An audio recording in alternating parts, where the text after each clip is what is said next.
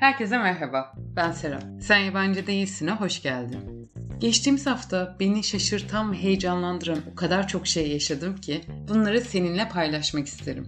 Şimdi geçtiğimiz haftanın havadislerine başlıyorum. Bir önceki bölümde hatırlarsan bir mikrofon isyanım vardı. Bunu duyan arkadaşlarımdan biri benim mikrofon sponsorum olmaya karar vermiş. Hatta bu bölümü onun hediyesi olan mikrofonla kaydediyorum. İsmini vermek istemediği için adı bende saklı kalacak ama ben onu kahramanım olarak anacağım. Bir diğer havadis ise Instagram hesabım ya da e-posta adresim yoluyla bana ulaşan ve beğenilerini sunan arkadaşları olacak.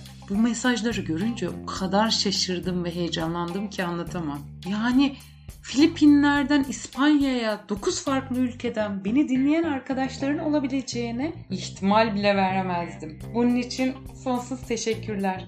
Son havadisim ise içine yeni dahil olduğum podcast ailemle ilgili olacak.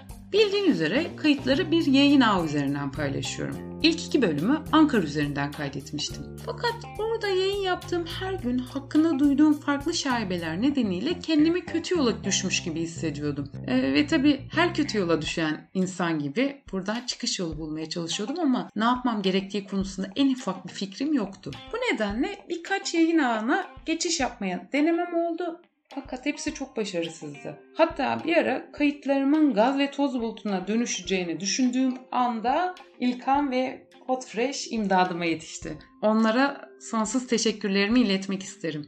Geçtiğimiz haftanın havadislerini verdiğime göre yeni bölüme başlayabiliriz.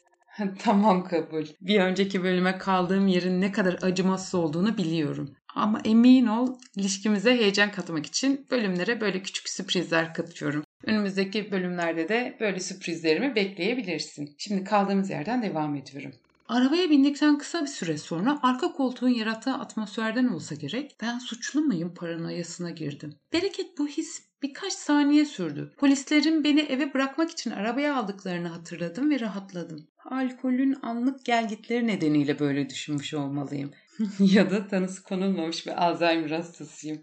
Öyleyse bile bu şu anın konusu değil. Belki bununla ilgili bazı araştırmalar yapıp daha sonraki bölümlerde anlatırım. Ben bunları düşünürken bir yandan da Harika Ağacı'nın Gitme şarkısı eşliğinde evin yolunu tutmuş ilerliyoruz. Bir yandan da dikiz aynasından izlendiğimi fark ettim. Aynasındaki kişiyle göz göze geldik bir an. Sonra o benimle göz teması kurduğunda kafasını başka yöne çevirdi.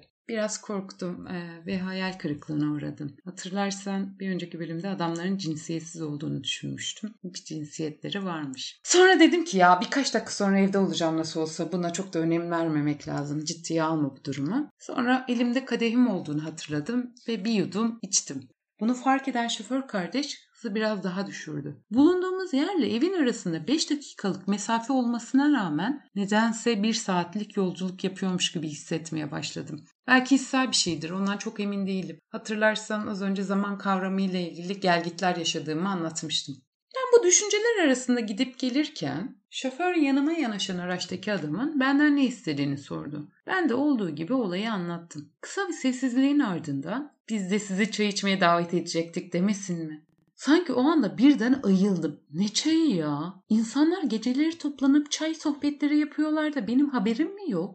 Anın şokuyla elimdeki kadeh yere düştü. Bereket adamlar fark etmediler. Dökülen içkiyi ben indikten sonra fark edecekler. Ama ben nasıl olsa araçta olmayacağım. O yüzden kahkaha atmaya başladım. Şen kahkahalarımın etkisi ve eve yaklaşmanın güveniyle rahatlamıştım da. Adamlar da geç oldu ama bir çay sözünüzü alırız dediler. Ben de evet oyununu hatırladım ve evet dedim. Benim evetim ardından adamların yüzünde manasız bir gülüş belirdi. Fakat evin önündeydim ve telefon numarası da vermemiştim. O yüzden rahatlıkla indim. Uzun zamandır evde olduğum için bu kadar mutlu olmamıştım. Gecenin dalgalı ruh hali nedeniyle biraz dağılmıştım tabii. Hemen duşa girdim. Bir süre tüm yaşananları düşünerek hüngür hüngür ağladım. Sonra kahkahalarla güldüm. Sanki içindeki her şey oraya boşalmıştı. Huzurla yatağa girdim. Ve sonra sadece teşekkürler Tanrım, yaşadığımı hissediyorum diyebildim. Bir sonraki bölümde görüşmek üzere, hoşçakal.